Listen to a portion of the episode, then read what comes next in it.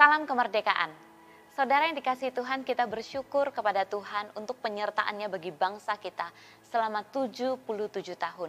Hari ini kita merayakan kembali dan mengingat kembali bahwa kebebasan yang Tuhan berikan bagi bangsa ini itu adalah anugerah yang Tuhan berikan bagi setiap kita. Sebagai anak Tuhan, kita pun menyadari bahwa kita bukan hanya dimerdekakan dari penjajahan, bukan hanya dibebaskan dari penjajahan, tetapi kita sebagai anak Tuhan dimerdekakan dari belenggu dosa.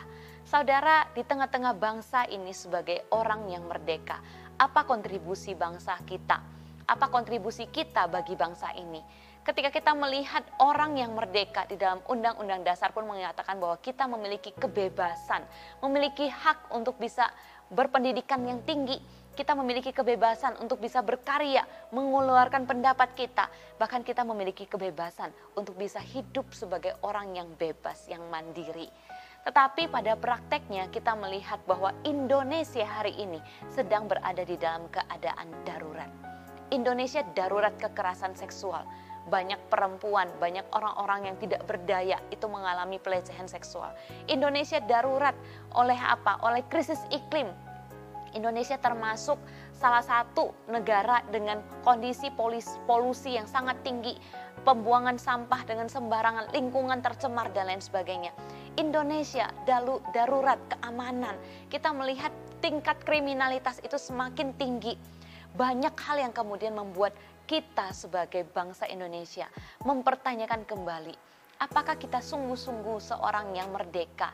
Apakah kita sungguh-sungguh seorang yang bebas dan bisa menikmati hidup dengan damai di tengah-tengah dunia yang Tuhan telah tempatkan bagi kita? Saudara yang dikasih Tuhan, di dalam bagian ini saya ingin mengajak kita bukan hanya menuntut apa yang negara sudah lakukan untuk kita.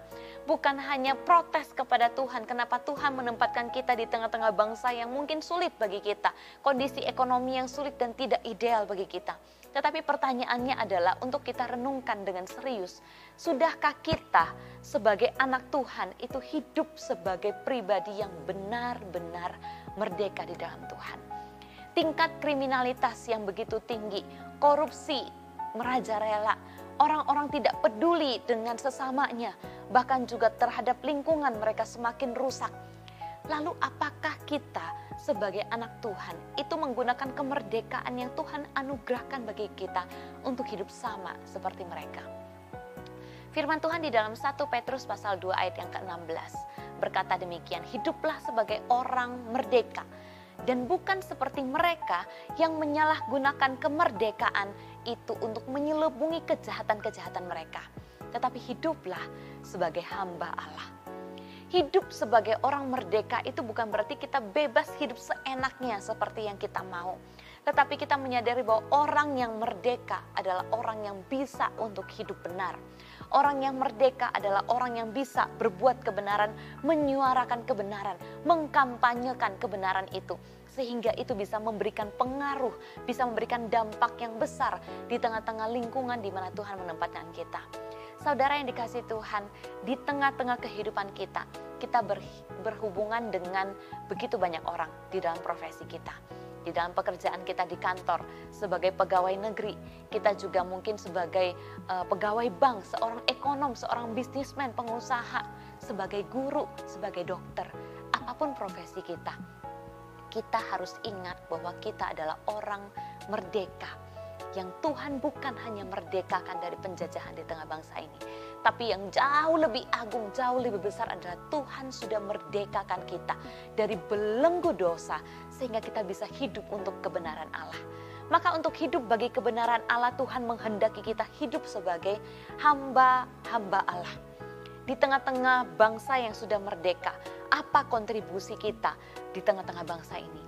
Jangan hanya protes, akan ketidaknyamanan, tetapi apa yang kita lakukan sebagai orang yang merdeka, yang seharusnya bisa dengan bebas, dengan merdeka hidup dan menyuarakan kebenaran itu, sehingga Indonesia bukan hanya darurat, tetapi Indonesia benar-benar menjadi Indonesia yang merdeka karena ada anak-anak Tuhan yang menyuarakan kebenaran itu, yang menghidupi kebenaran itu, yang menularkan spirit kebenaran itu di tengah-tengah bangsa ini. Bangsa Indonesia adalah milik Tuhan. Kita Tuhan tempatkan di tengah-tengah bangsa ini untuk menjadi alat Tuhan, hidup di dalam kebenarannya sehingga Indonesia pada satu kali akan membawa kemuliaan bagi nama Tuhan. Amin.